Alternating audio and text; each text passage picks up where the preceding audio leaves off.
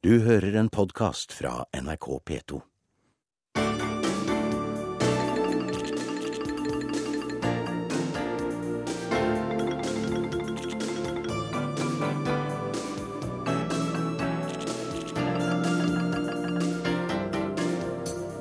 Det norske rederiforbundet tilbyr flere skip for å hjelpe de katastroferammede på Filippinene. Problemet er samarbeidet med FN. De gamle vennene Egypt og Russland nærmer seg hverandre igjen. Hva sier USA til det? I Chile er presidentkandidat Michelle Bachelet klar for en ny periode. Rødere enn noensinne. Ikke la finanskrisen ramme kvinner, oppfordrer UNDP-sjefen, som er opprørt over at jenter tas ut av skolen når kassen er tom. Renholdere streiker, og Madrid flyter over av søppel rett før gatene skal pyntes til jul. Og prins Charles er blitt pensjonist før han i det hele tatt har begynt på jobben som konge. Og, og korrespondentbrevet er skrevet ved Viktoriasjøen.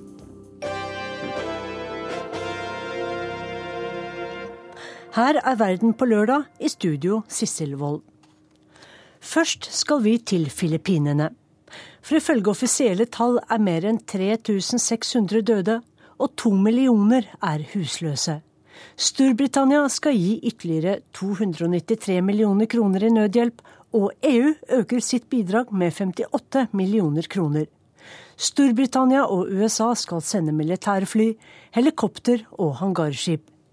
Men det tar tid før hjelpen kommer. Fremdeles er det en desperat mangel på vann, mat, strøm og trygghet i de katastroferammede områdene. Sykehuset i byen Takloban vil tidligst få strømmen tilbake om tre måneder. Utenriksmedarbeider Philip Lote har besøkt dette sykehuset, som etter tyfonen sliter med å gi syke det de trenger av behandling. Lyden i denne reportasjen bærer preg av at det ikke er internett i dette området. Lyden av gassylindere som ruller langs stengulvet, blander seg med stemmer. Sykehuskorridoren er mørklagt. Lys fra lommelykter og hodelykter krysser. Pasienter, pårørende og helsepersonell flakker omkring hverandre som om de ikke egentlig helt er der. De ansatte ved Hospital Eastern Visayas Regional Medical Center har fått beskjed om ikke å snakke med pressen.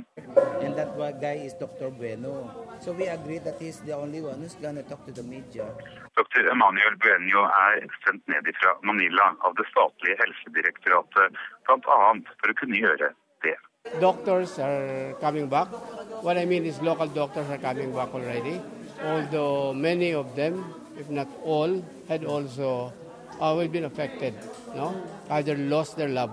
Det går bedre. De lokale legene er i ferd med å komme tilbake, selv om også de ofte har mistet sin nære familie og sine hus. De første svarene virker innøvd, som ifra et direktorat. Men etter noen spørsmål kommer legen i dr. Benio frem. Eksterne fysiske skader på kroppen, mentale trauma, lungebetennelse og infeksjoner er de grove kategoriene han bruker til å dele inn lidelsene til de overlevende og som de trenger hjelp for. Barn som kommer hit, har ofte ikke spist siden uværet blåste innover Takloban for åtte dager siden. En generator starter, men vi må ikke forveksle dette med ekte strøm. Det er kun en generator, sier dr. Emanuel Buenjo. Lampene som i noen minutter lyser fra taket, er for han ganske verdiløse. De gjør intet med sykehusets kapasitet til å behandle syke. De kan ikke gjøre større inngrep. Større akutte operasjoner er umulig. Litt bortenfor der vi står ved døren til en sengepost, forsøker en mannlig pleier å hjelpe en jente på omtrent 16 opp i en rullestol. Hun er dypt traumatisert. Hun henger stivt i pleierens armer. To senger inn på posten holder Nisa Traiko en oksygenmaske over nesen til sin tante. Strømmen er borte igjen. Tanten lider av en kronisk sykdom. Hun trenger blod. Sykehuset har ikke blod. Ikke blod på ubestemt tid, men kanskje strøm i byen og til sykehuset om tre til fire måneder. I mellomtiden kommer en større generator som militæret har fått i oppgave å passe på at virker. Men doktor Emanuel Benjo er ikke overbevist. Generatoren må ha bensin, og det er det heller ikke mye av her, sier han. Av dem som var raskt på plass, var det norske skipet kaptein Felix Okka, som kom med vann, mat og medisiner. Og Sturla Henriksen, administrerende direktør for Norges Rederiforbund. Hvor raskt ble avgjørelsen tatt eh, av dere om å ile til å hjelpe? Ja, Det skjedde i praksis eh, bare et døgn eh, ca. etter at tyfonen traff land. Så det var et umiddelbart initiativ som ble tatt av våre folk der nede. Så det er vi veldig glade for at de gjorde. Er det vanlig at skip i handelsflåten hjelper til ved naturkatastrofer? Ja, Norge er en av verdens største skipsfartsnasjoner. Vi har eh, skip over hele verden hele tiden. Eh, og vi har en egen beredskapsavdeling i eh, Rederiforbundet som jobber med dette. Så vi har vært tilgjengelige med kapasitet både under tsunamien i Japan og på jordskjelvet på Haiti tidligere. Ja, Vi har hørt at dere hadde med 15 tonn medisiner og mye vann og mat. Og har denne hjelpen kommet frem til eh, familier? Ja da, det var over 100 tonn eh, om bord med forsyninger. Eh, vann, mat, medisiner. Det gjorde et sterkt inntrykk å se små barn, bilder av små barn som satt og ventet på dette skipet vårt som skulle inn. Vi har nå fått bekreftet at aller meste av hjelpen er kommet frem. Den distribueres av lokale myndigheter og Røde Kors. Eh, det er også slik at eh, hæren får eh, ikke distribuere maten. Våre folk på skipet lager faktisk mat til de folkene fra hæren som vokter disse lagrene. Og så distribueres det ut av Røde Kors og lokale myndigheter. Vi har hørt at det holdes vakthold ved skipet. Er det mange desperate filippinere som forsøker å komme med deres båt? Ja, det er eh, en desperat situasjon selvsagt for mange mennesker. Og eh, det var et eh, sterkt vakthold rundt båten da den ankom. Og det var nødvendig, for det var flere andre båter som nærmet seg. På land er det også et strengt vakthold, og det har så langt virket bra. Hva har dere lært av å være på Filippinene nå?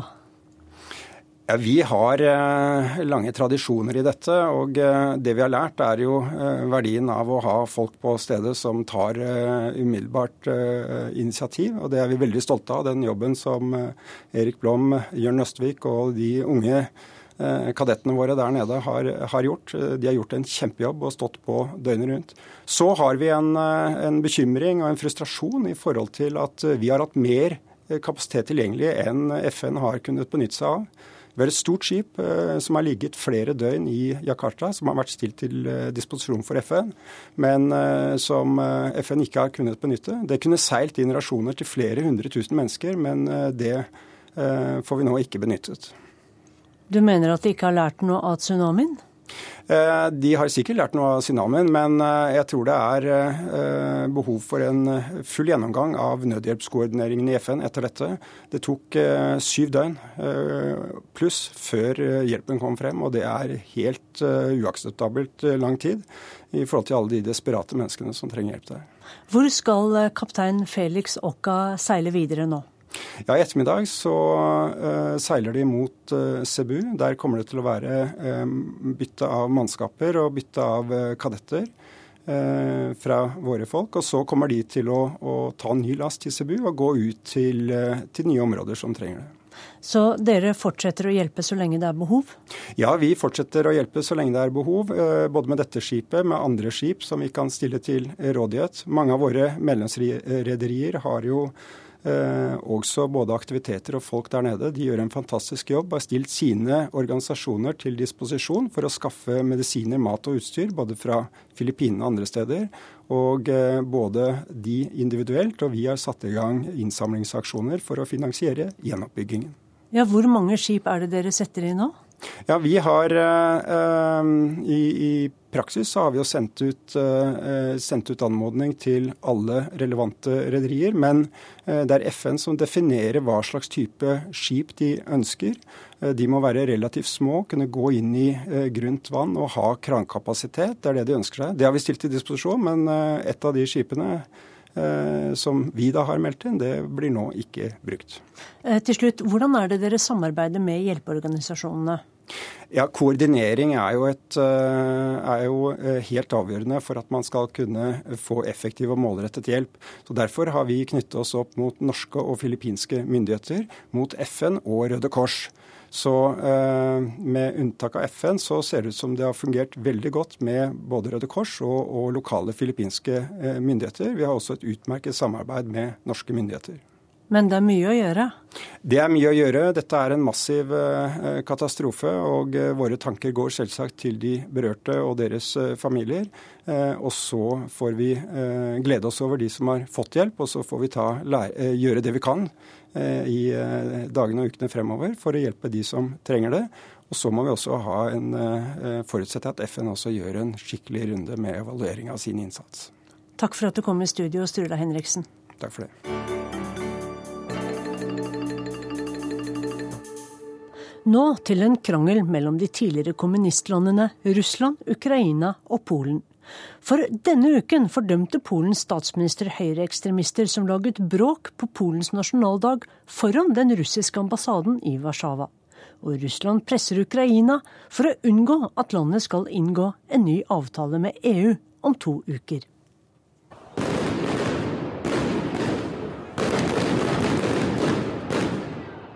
Warszawa smalt det skikkelig av tåregassgranatene fra polsk politi mandag da høyreekstreme ungdommer angrep Russlands ambassade i den polske hovedstaden med brannfakler og kastevåpen.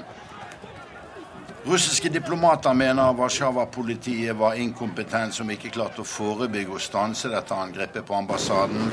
Russland krevde en uforbeholden unnskyldning fra Polens side og erstatning for skaden som ambassadebygningen til russerne ble påført.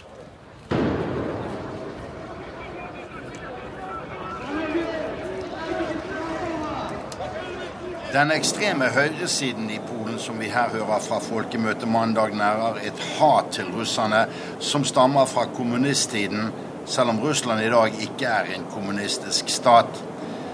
Særlig hates russerne i Polen for massakren på polske reserveoffiserer i Katynskogen ved Smolensk i mai 1940 at daværende president Dmitrij Medvedev offisielt ba om skyldning og offentliggjorde Josef Stalins signatur under ordren til disse myrderiene, hjelper ikke til å mildne sinnene på den ekstreme høyresiden i Polen. Większość Polaków chce rocznicę niepodległości obchodzić radośnie i spokojnie i tak było również w Warszawie i wielu polskich miastach. Men Polens statsminister Donald Tusk unnskyldte sitt land på onsdag og sa at det ikke er noen unnskyldning for eksessene til de polske høyreekstremistene. Under fotball-EM i 2012 gjøv de samme kreftene i Polen løs på russiske fotballtilhengere i Warszawa. Polsk høyreside er også antisemittisk, som de mer ekstreme nasjonalistene også er det i Ukraina. I Ungarn og Slovakia er også særlig sigøynerne målet for rasismen og fremmedhatet. I Russland bankes kaukasiere og sentralasiater opp denne høsten. I Øst-Europa hater de høyreekstreme hverandre fordi de både er rasister og nasjonalister, der innvandrerhaterne i Frankrike, Nederland og f.eks. Sverige samarbeider internasjonalt nå over landegrensene. I Polen mener russiske representanter at angrepet på deres ambassade denne uken også er en del av striden om Ukrainas ønske om en assosieringsavtale med EU om knappe to uker, som Russland er sterkt imot. Slow.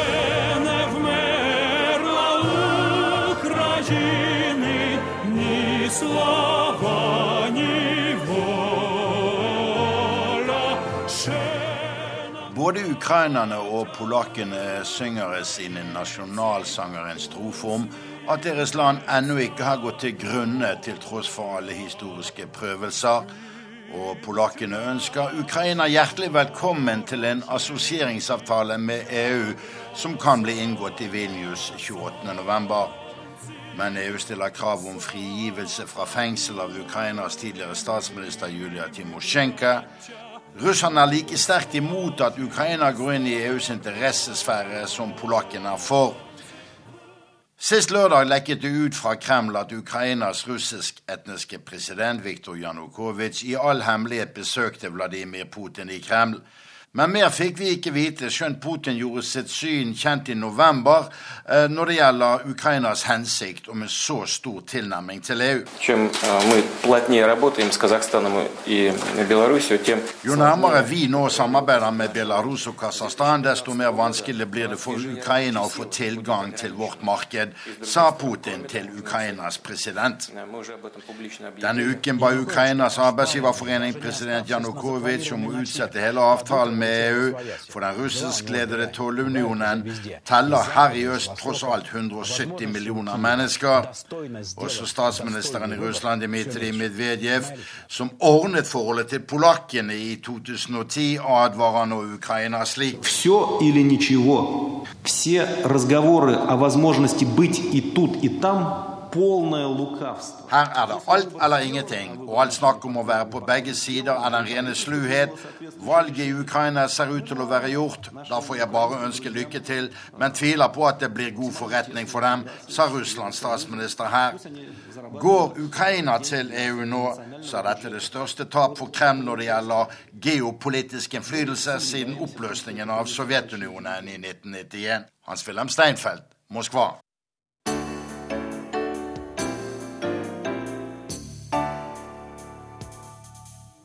Matrester, plastikkflasker, kartongemballasje og annet søppel flyter rundt i Madrids gater etter elleve dagers streik blant søppeltømmerne. Og det like før julegatene skal åpnes. Søppelet er et synlig resultat av misnøye med og protester mot oppsigelser og lønnskutt som følge av innsparingspolitikken. Es una vergüenza ver las calles como están. Det er en skam å se gatene slik, sier en dame, før hun akker seg videre mellom knust glass, hundeskitt og plastikkavfall. Søppelbøttene er fulle, papir og gamle aviser blåser med vinden. Utenfor butikkene står tomme pappkartonger som vanligvis fraktes bort etter at varene har blitt satt i hyllene.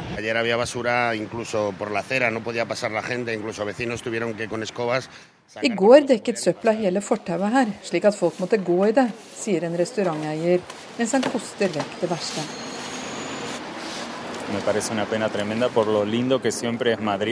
Det er trist for en så vakker by som Madrid, sier en annen.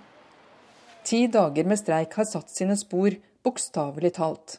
Flere tonn søppel har hopet seg opp i millionbyen. Ordføreren i Madrid, Ana Botella, mener det har gått for langt.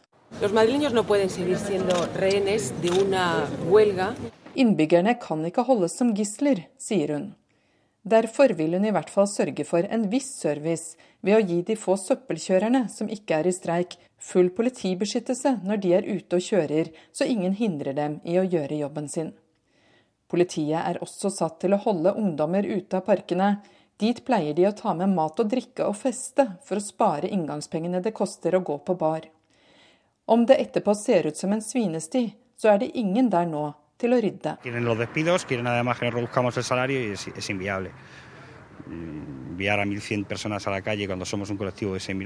De vil kvitte seg med arbeidere og kutte lønningene, og sparke over 1100 av 6000 totalt. Det er å sette én av fem på gata, det, sier Javier Martin. Arbeiderne har høylytt protestert mot kuttene. De er ikke direkte ansatt av kommunen. Jobbene er satt bort til private selskaper som kan gjøre det billigere. 350 arbeidere er allerede sparket. De private selskapene sier kuttene er nødvendige fordi kommunen må spare, og da er også tjenestene deres blitt for dyre. Men de får ingen forståelse hos dem som risikerer å miste jobben. Vi ber ikke om mer lønn eller flere rettigheter. Vi ber bare om å få beholde til smør på brødet, sier Eduardo Benitez. 22-åringen kan snart bli et tall i den dystre statistikken som sier at rundt 60% av unge spanjoler under 24 år er arbeidsledige. Og køen av folk uten jobb fortsatte å stige i forrige måned, til tross for at Spania kunne juble etter å ha kommet ut av resesjonen. Men det er lite annet å glede seg over. Landet har rekordhøy gjeld som vil fortsette å stige sammen med arbeidsledigheten, ifølge ekspertene. Ikke bare er alle som vil miste jobben blitt et problem, Også de som beholder den, må betale en pris. Lønnen deres, som er gjennomsnittlig 9000 kroner, vil bli kuttet med inntil 40% Men ordfører Boteya har ingen sympati med de streikende arbeiderne. Hun har kalt dem vandaler og truet med å sette inn det offentlige renholdsselskapet hvis de ikke kommer tilbake på jobb. Si en el curso de las próximas 48 horas no se acuerda no se alcanza un acuerdo que cierre este conflicto, el ayuntamiento asumirá el control directo de los servicios. Hvis ikke partene løser konflikten innen 48 timer, så griper vi inn og tar direkte kontroll over renholdet, sa Anna Boteya på en pressekonferanse på onsdag. Inntil videre må innbyggerne i Madrid bare håpe at noen rydder opp i kaoset. Ja, og det var europakorrespondent Åse Marit Befring som hadde vandret rundt i gatene i Madrid. Og tidlig i morges ble partene enige om å avblåse streiken. Nå håper alle spanjoler at gatene blir ryddet før de skal pyntes med julenisser, julepynt og fylles med vakker julemusikk.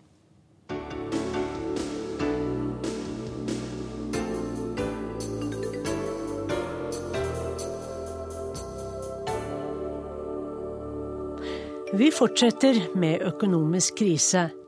Ikke ta jentene ut av skolen selv om finanskrisen rammer. Det er UNDP-sjef Helen Clarks klare oppfordring til ledere i land som er berørt av den globale økonomiske krisen. Regjeringene i utviklingsland må ta ansvar for at ikke kvinner ofres når det er tomt i kassen, mener hun. The most vulnerable and the poorest women, and particularly the young girls, there's some quite disturbing information about what drops in per capita GDP do to infant mortality rates, for example. Jentene lider mest fordi foreldrene ikke prioriterer dem når det kniper, og langt flere jentebarn rammes av spedbarnsdødelighet i fattigere land. Når finanskrisen setter inn, legger regjeringer vekk tiltak for kvinner og jenter, noe som fører til at likestillingsarbeidet stanser helt opp eller reverseres. Og verst er det når jenter tas ut av skolen, mener Helen Clark. Yes, the, the evidence is that the girls are more likely to be taken out of school, that where families are making choices, the girls' opportunities are not rated as importantly as the, the boys are. Helen Clark leder FNs utviklingsprogram UNDP. Før var hun statsminister i New Zealand og satt til sammen i ni år over tre perioder. Den globale finanskrisen har f.eks. fått dramatiske konsekvenser for de mange kvinnene i tekstilfabrikkene i Latin-Amerika som leverer til Vesten. Når de mister jobben, søker de seg til mer risikofylte yrker som prostitusjon, sier Clark. What will governments do to ensure that girls aren't the victims of crisis? What will they do to see that education actually is free and accessible? Hun krever at myndigheter verden over må sørge for sikkerhetsnett, slik at det ikke er kvinnene som må betale den tyngste prisen for den økonomiske nedgangen. Rwanda er et land som underwent the most profound kind of crisis you can have, and that is genocide. I Rwanda har kvinnene hele 64% av setene i parlamentet. Kriser, og her en grufull tragedie som folkemord, kan føre til store endringer i et samfunn. For kvinner må få muligheten til å bli politisk aktive, slik at de kan være med på å løse utfordringene til det beste for alle. Og Rwanda er et fantastisk eksempel.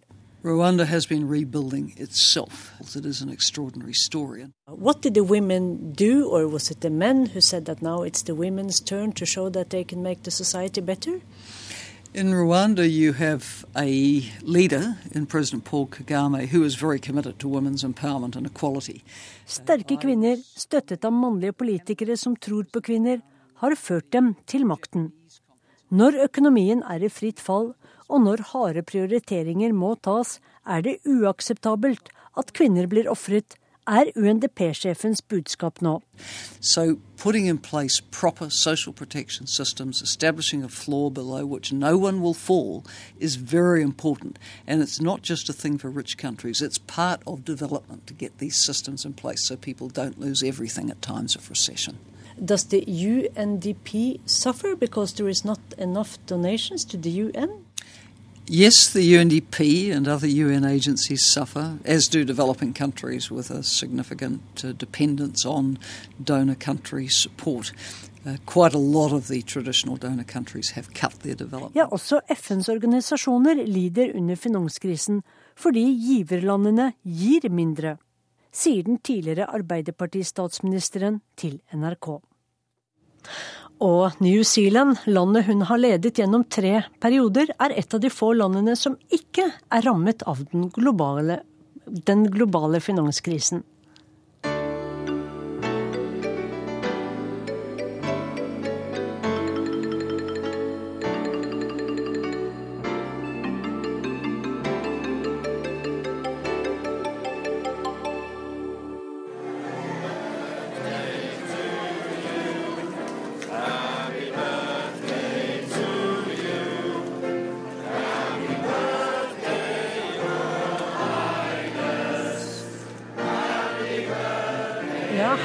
Birthday, Your Highness' sang eh, noen utvalgte briter for prins Charles.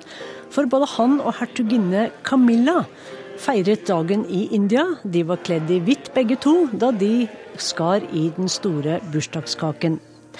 Med sine 65 fylte år kan kronprinsen slutte seg til pensjonistenes rekker. Men denne pensjonisten har aldri begynt i jobben sin. Prinsen av Wales ble kronprins i en alder av bare ti år. Og han har vært det siden. I hele 55 år har han vært kronprins og ventet på å begynne å jobbe. Det finnes knapt større kjendiser over tid enn den britiske kongefamilien, trolig verdens mest berømte familie. Og ingen av dem er vel blitt parodiert eller latterliggjort oftere enn kongen in spe, prins Charles. Mannen har som kjent noe over gjennomsnittet store ører, til stor glede for ondsinnede vitsetegnere i mange tiår.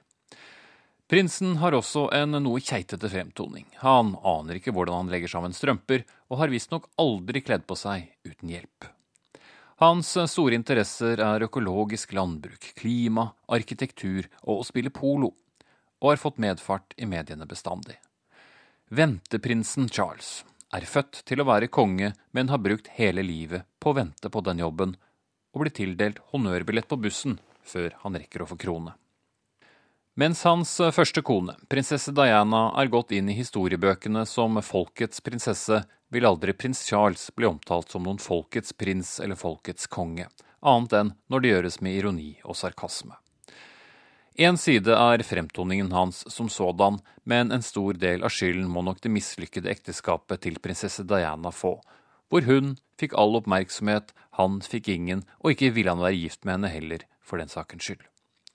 Noen god start fikk heller ikke det såkalte eventyret da prins Charles presterte å legge til hva nå enn forelskelse måtte bety, da hans kommende hustru hadde svart bekreftende på at de var forelsket. Popularitetsbunnen ble nådd på 90-tallet. Prinsesse Diana omtalte hans utenomekteskapelige affære med gamlekjæresten Camilla Parker Bowes offentlig med å si at ekteskapet ble i overkant trangt med tre personer i det.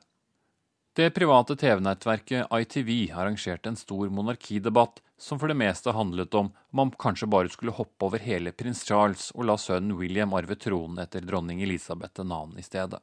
Prinsen av Wales var uansett så upopulær at de færreste ville bry seg. Mange liker nok den tanken fortsatt, men britenes iboende uvilje mot å endre på gamle tradisjoner ville nok forhindret det hele ganske så effektivt. For fem år siden fikk han da også sin Camilla, og skal ifølge dem som følger med på slikt, være svært lykkelig, hva nå en lykke måtte bety. Litt mer populær er han da også blitt, han er ikke lenger den minst populære i kongefamilien, slik han var, det er det konen, hertuginnen av Cornwall, som er. Hun ga noe så sjelden som et intervju i anledning fødselsdagen til prinsen, og beskrev en distré, arbeidsnarkoman ektemann som det var umulig å kjøpe gave til, men som likevel elsket å få kake og bli sunget bursdagssang for, noe som det også skjedde da dagen ble feiret på reise i den gamle britiske kolonien India. Moren, dronning Elisabeth 2. med sine 87 år, har sittet på tronen nesten hele livet til prins Charles, og følgelig har køen til tronen økt. Nå er det tre kommende konger som står der. Det store spørsmålet er hva han selv tenker. Onde tunger vil ha det til at han gruer seg og ser på kongegjerningen som en byrde, mens det offisielt selvsagt heter seg at han ser ærefullt på det kommende oppdraget. Sikkert er det at gjerningen neppe blir lang for den nå pensjonerte kongmene kong Charles, eller kong Philip, eller kong Arthur, eller kong George, eller hva han nå velger av kongenavn. En ondsinnet vitsetegning eller to kommer nok garantert til å gjøre et poeng av at kronen hans iallfall ikke kommer til å falle ned over ansiktet. London-korrespondent Espen Aas om Storbritannias mest berømte pensjonist.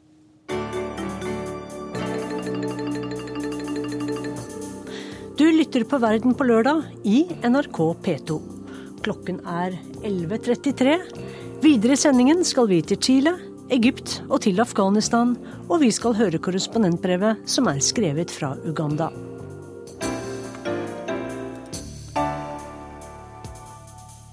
I Chile er landets mest populære kvinne på full fart på vei tilbake i toppolitikken. Etter at Michelle Bachelet overlot presidentembetet til den konservative Sebastian Pinera for snart fire år siden, har hun ledet FNs organisasjon for kvinner og likestilling.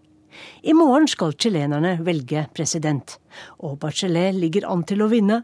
Hun er tilbake, rødere enn noensinne, rapporterer kollega Stig Arild Pettersen.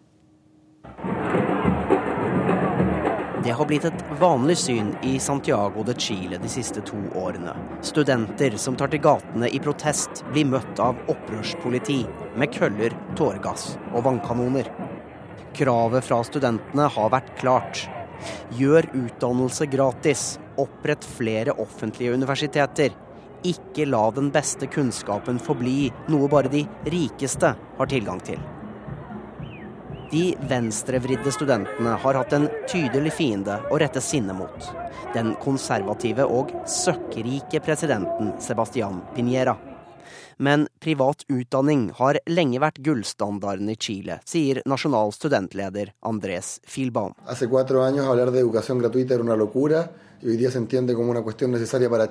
Vi har vært altfor vant til tanken på at private tar seg av dette mest effektivt. At profitt er katalysatoren for all menneskelig aktivitet, og at staten skal spille andre fiolin. Nå begynner folk endelig å forstå at business ikke kan styre alt, at folk må ha like muligheter. Et slikt område er selvsagt utdanning, sier studentlederen visión muy transversal alrededor de la sociedad y ha, ha, tenido además un impacto político muy significativo, por ejemplo, en las campañas presidenciales. Con alegría, con determinación y con mucha humildad he tomado la decisión de ser candidata. Det er på denne misnøyen Michelle Bachelet nå seiler inn som soleklar favoritt foran søndagens presidentvalg. Jeg vil vivir i et país moderno, pero que sea más justo, jeg vil ha et land som skaper fremgang ikke bare for de få, men for alle, gjennom gratis utdanning og et godt helsevesen, sier Bachelet. Det mener hovedmotstanderen, den konservative Evelyn Matei, blir for dyrt. Hun har ikke tenkt til å kaste gratis utdanning etter de som har råd til å betale. Yo ese cheque no lo voy a pagar. Hay muchas otras necesidades en Chile que tienen prioridad. Evelyn Matei sliter på meningsmålingene, til tross for at hun representerer koalisjonen til den sittende presidenten. Og hun vet hvem hun står opp mot. Matei og Bachelet lekte sammen i barndommen. Da var de naboer på en militærbase nord i Chile, der fedrene deres tjenestegjorde. Fedrene var gode venner, men under kuppet i 1973 havnet de på hver sin side. Mens militærdiktaturet torturerte og tok livet av Alberto Bachelet, var Fernando Matei en av Augusto Pinochets mest betrodde, som helseminister i militærjuntaen og øverstkommanderende for flyvåpenet. Da Chile i 1988 holdt folkeavstemning om de ønsket åtte nye år med Pinochet som diktator, stemte Evelyn Matei ja. Som presidentkandidat advarer hun mot motstanderen Bachelets sosialisme. Vår plan vil skape et land som Merkels Tyskland. El Deres plan vil skape Berlinmurens Tyskland, sier Mattei. Og det er en rødere Michelle Bachelet som har kommet tilbake etter noen år som leder for FNs kvinne- og likestillingsarbeid i New York. Chile har kanskje tjent seg rikt de siste to tiårene, mener hun. Men rikdommen har ikke nådd ut til alle. 1% av Chiles befolkning kontrollerer 30% av landets rikdom.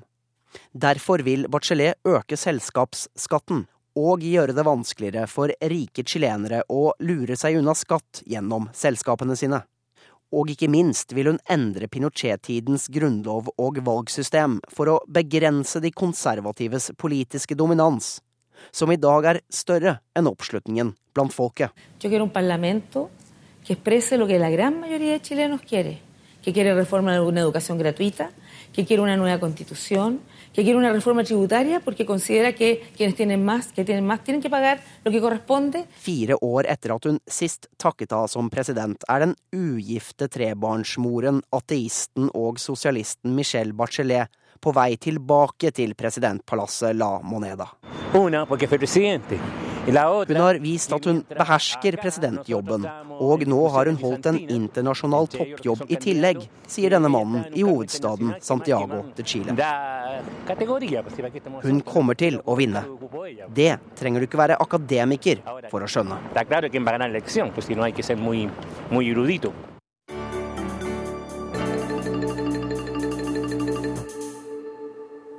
Nå om gamle venner som møtes igjen.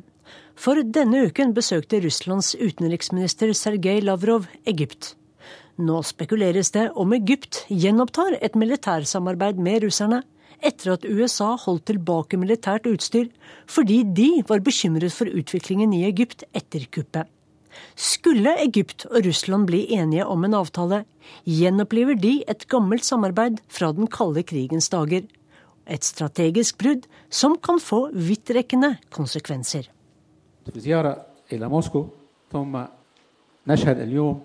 Egypts utenriksminister Nabil Fahmi visste hva som sto på spill da han eh, torsdag denne uken tok imot Russlands utenriksminister Sergej Lavrov.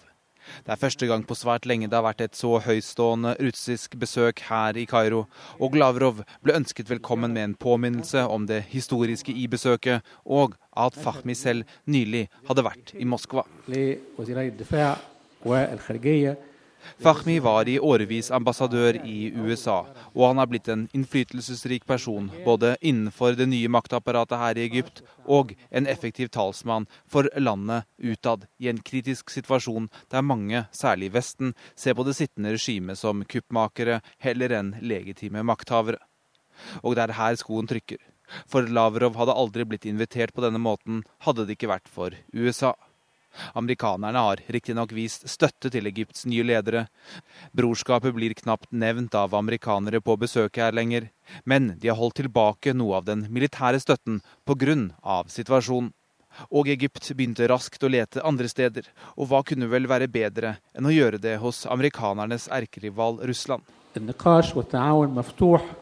Dialog og samarbeid er mulig og har ingen grense for oss fordi vi ser på situasjonen på samme måte på en rekke områder. Vi har f.eks. rimelig sammenfallende syn på Palestina-spørsmålet, der vi begge jobber for en løsning med to stater, og i Syria der vi håper på en politisk løsning, sa Fahmi. Det er ikke mer enn noen måneder siden Mohammed Morsi var president og åpnet for å sende unge menn til å krige på opprørernes side i Syria. Nå sitter han i fengsel i nærheten av Alexandria, og rettssaken mot den tidligere presidenten startet som en farse og vil antagelig ende sånn også, hvis det da ikke bare blir en endeløs prosess. Men slike spørsmål bryr Russland og Sergej Lavrov seg praktisk nok lite med. Den russiske føderasjonen har alltid som utgangspunkt å ikke blande seg inn i lands interne anliggende. Vi respekterer Egypts suverenitet og folkets rett til uavhengig å bestemme sin framtid. Vi har diskutert praktiske sider ved vårt bilaterale forhold med ønske om å utvide det, bl.a. ved å sette ned en felles russisk-egyptisk kommisjon for å diskutere diskutere handel og økonomisk samarbeid, sa Lavrov. Men handel er én ting. Dette handler også om etterretningssamarbeid. Begge land frykter islamistene. Og Lavrov kom ikke alene. Han hadde med seg forsvarsminister Sergej Sjojgu, og i Alexandria ligger flaggskipet til den russiske stillehavsflåten, krysseren Varjag. I arabisk media har det vært spekulert i avtaler i størrelsesorden på flere milliarder dollar. Lavrov understreket under besøket at Russland ikke var ute etter å erstatte andre land, et kodespråk for USA, men i praksis så er det det egypterne nå spiller på, selv om de ville måtte få hjelp utenfra for å betale for disse våpnene hvis det skulle bli noen avtale. Amerikanerne har holdt igjen leveranser av tyngre militært utstyr som fire F-16 jagerfly, flere Apache militærhelikopter og M1 Abrams stridsvogner. Skulle egypterne nå gå inn i en tung avtale med russerne, vil det være et kraftig brudd med over 30 år med nært og eksklusivt forhold til amerikansk forsvarsindustri. Men det vil skrive seg inn i en komplisert og kontrastfylt historie mellom de tre landene. Bøyer jeg meg litt fram fra her jeg nå sitter og skriver dette, ser landemerket Cairo Tower. Det er et høyt, slankt tårn med rutete betongmønster som munner ut i en slags blomst på toppen. Det ble bygget av Egypts andre president, Gamal Abdel Nasser, på 1950-tallet. Tårnet var en ruvende påminnelse om Kairos lederrolle i den arabiske verden. Og hvis man skal tro på en historie som ikke har latt seg bekrefte, men heller ikke avlive, er det bygget på penger fra CIA. Pengene skal ha blitt gitt Nasser som et forsøk på bestikkelse, men han brukte de i stedet på dette monumentet, som ikke bare er slankt, det er også blitt tolket av flere som en middle finger gitt til sine tidligere støttespillere. For Nasser byttet raskt ut amerikanerne med Sovjetunionen. Men det var da, og det tok ikke mange årene etter hans død før hans etterfølger kastet ut russerne igjen, vendte seg mot USA og undertegnet en fredsavtale med Israel som har ligget som en planke i Egypts militære og geopolitiske strategi. Midtøsten av i dag er i rask endring, og amerikanerne trekker seg gradvis ut. Egypt trenger flere ben å stå på, selv om de nok aller helst ville lent seg på USA hvis de bare kunne. Lavrov-besøket viser at forholdet mellom Russland og Egypt kan bevege seg inn i en ny fase. Spørsmålet er om egypterne har tenkt å ta skrittet fullt ut, eller om de bare vil vise USA nok en gang at de har andre muligheter. Midtøsten-korrespondent Sigurd Falkenberg Mikkelsen rapporterte fra Kairo.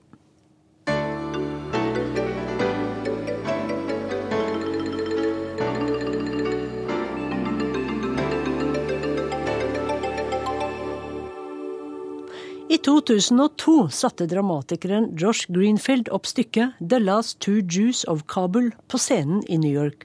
Han var inspirert av historien om Kabuls eneste to jøder som elsket å hate hverandre. Men nå er bare én av dem, Sablon Simantov, igjen i Afghanistan.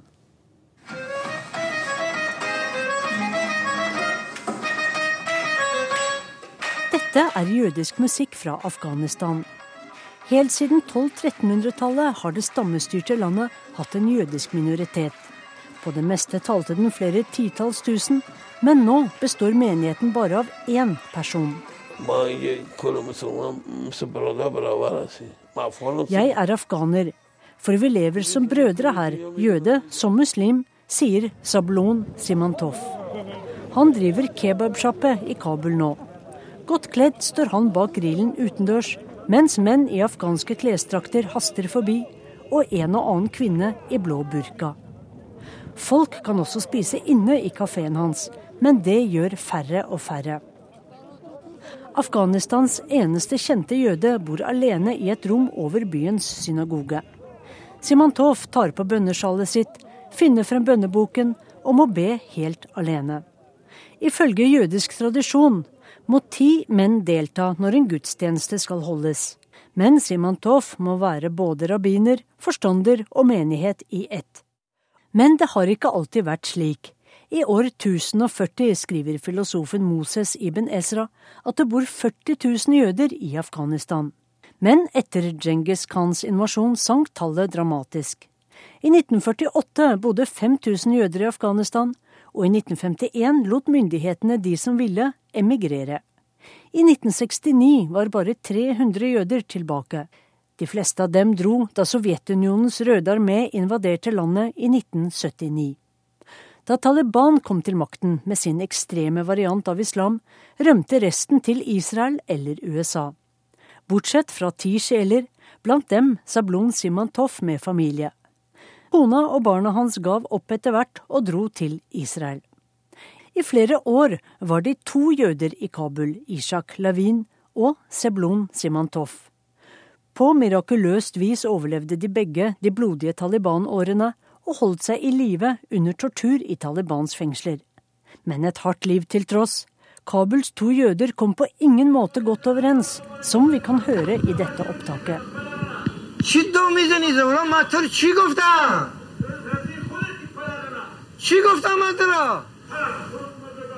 Kjeltring, din fordømte ikke-jøde, Goi.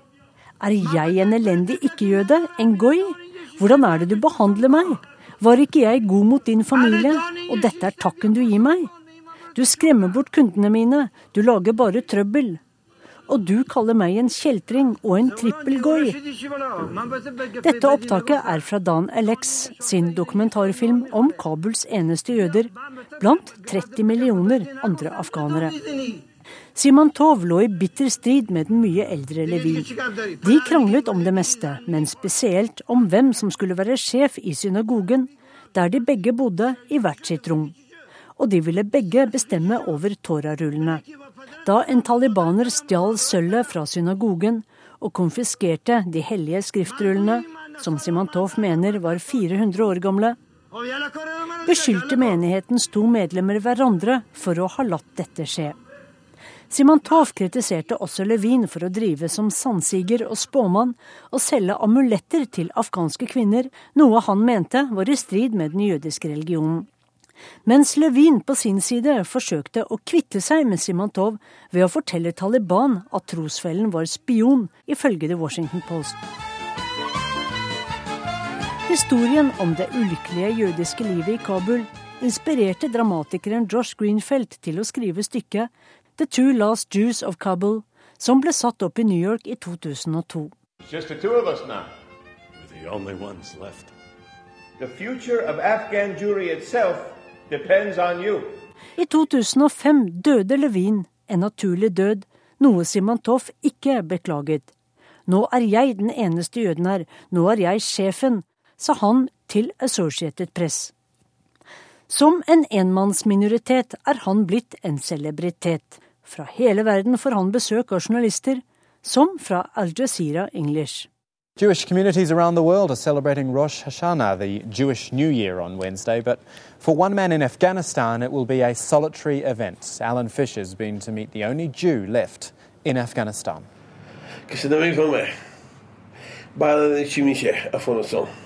If you give any other Jew $100,000 to come live here, they would not come because of the fighting and the conflicts here. They would not come. I brave. There is no one here like me. Ingen andre jøder vil bo i dette krigsrammede landet. Men jeg er modig, så jeg blir, sier han til Al Jazeeras reporter Alan Fisher. Simon Toff har vært teppehandler, juvelselger, og nå serverer han kebab. Men i kafeen hans står bordene tomme. Folk går ikke mye på kafé nå.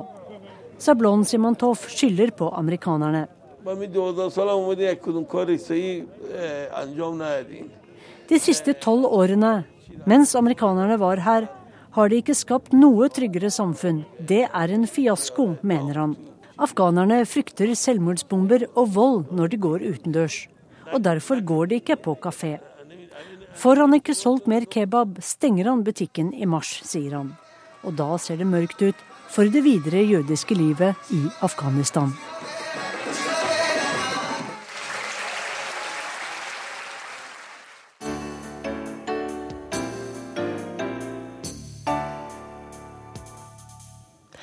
Ukens korrespondentbrev er skrevet ved Viktoriasjøen.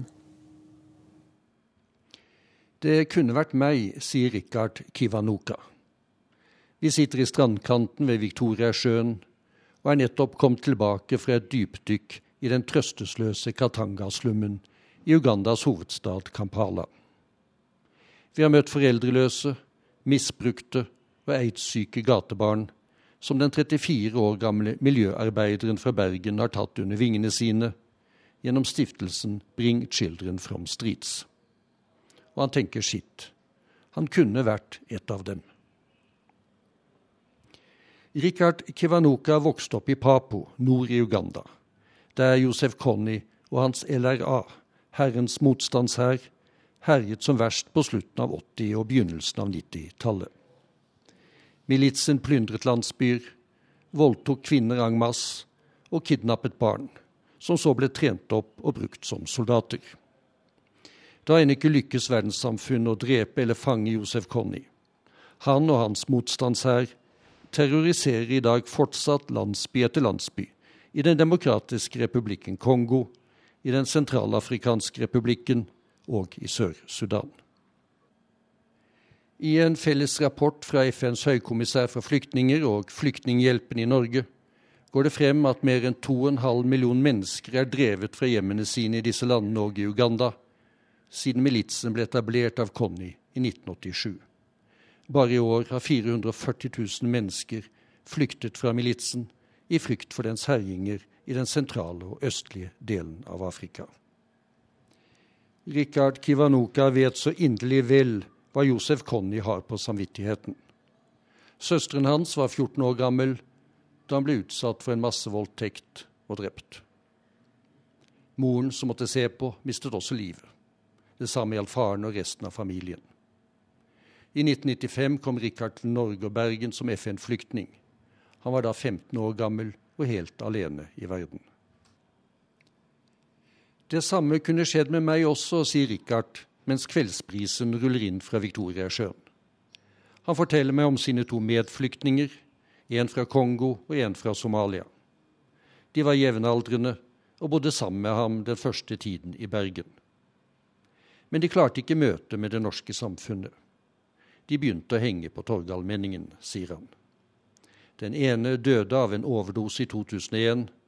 Den andre er i dag så nedkjørt og svak i knærne av stoffmisbruk at han knapt kan stå på beina. For Richard ble amatørboksing og Bergen atletklubb redningen.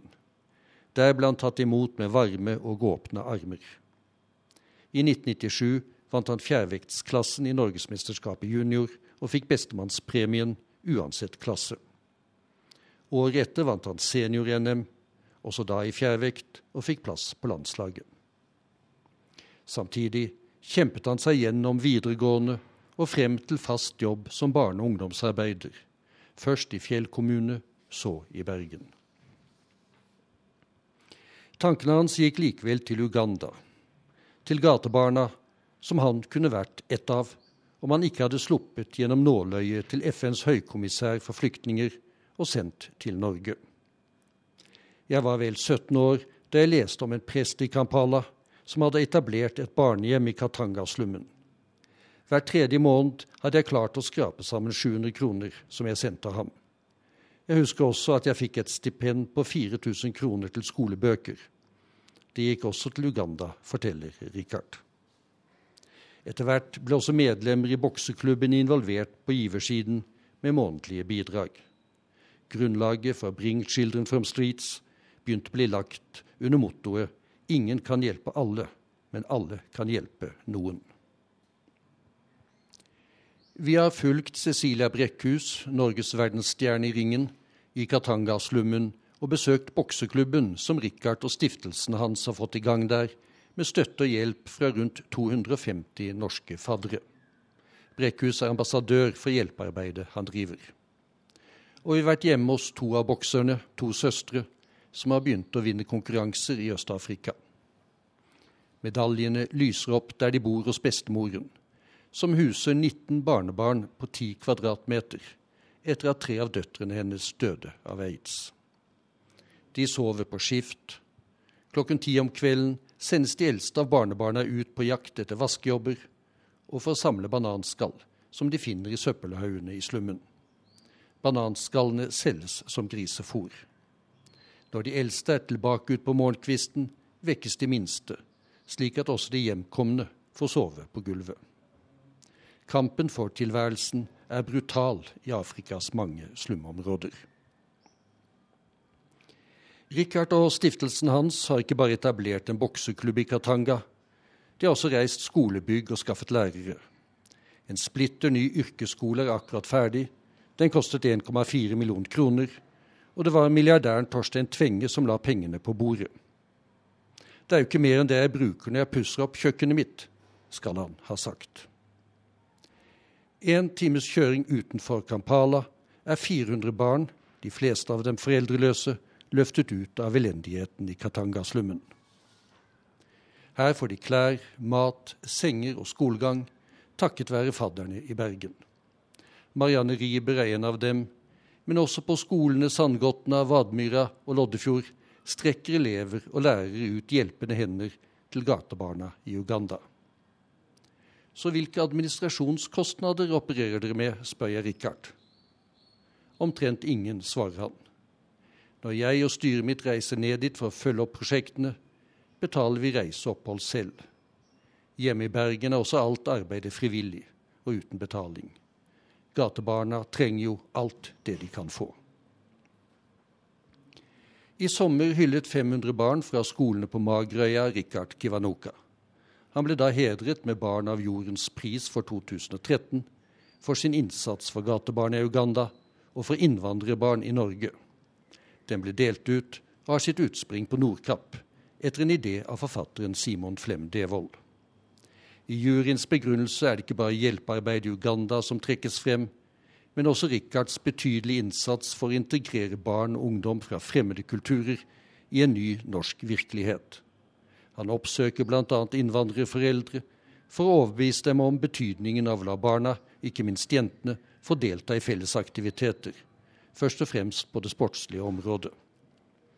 Innsatsen har bl.a. ført til at 600 innvandrerbarn har lært å svømme. Idretten er lik for alle, uansett hudfarge. Språkbarrierer, sosiale, religiøse og andre hindre viskes ut. Gjennom idretten lærte jeg å tenke positivt. Etter kort tid var jeg ikke lenger den forvirrede ungdommen som kom til Norge uten noen ting, sa Richard da han takket for prisen. For meg var det en av høstens mest minneverdige kvelder å høre hans historie der vi satt ved Viktoriasjøen. Nei, ingen kan hjelpe alle, men alle kan hjelpe noen både i Afrika og i Norge. Ha en god helg. Lars Sigurd Sunnanå, Nairobi. Teknisk ansvarlig for denne sendingen Beate Haugtrø, skript Susanne Sunde Bakke og i studio Sissel Wold.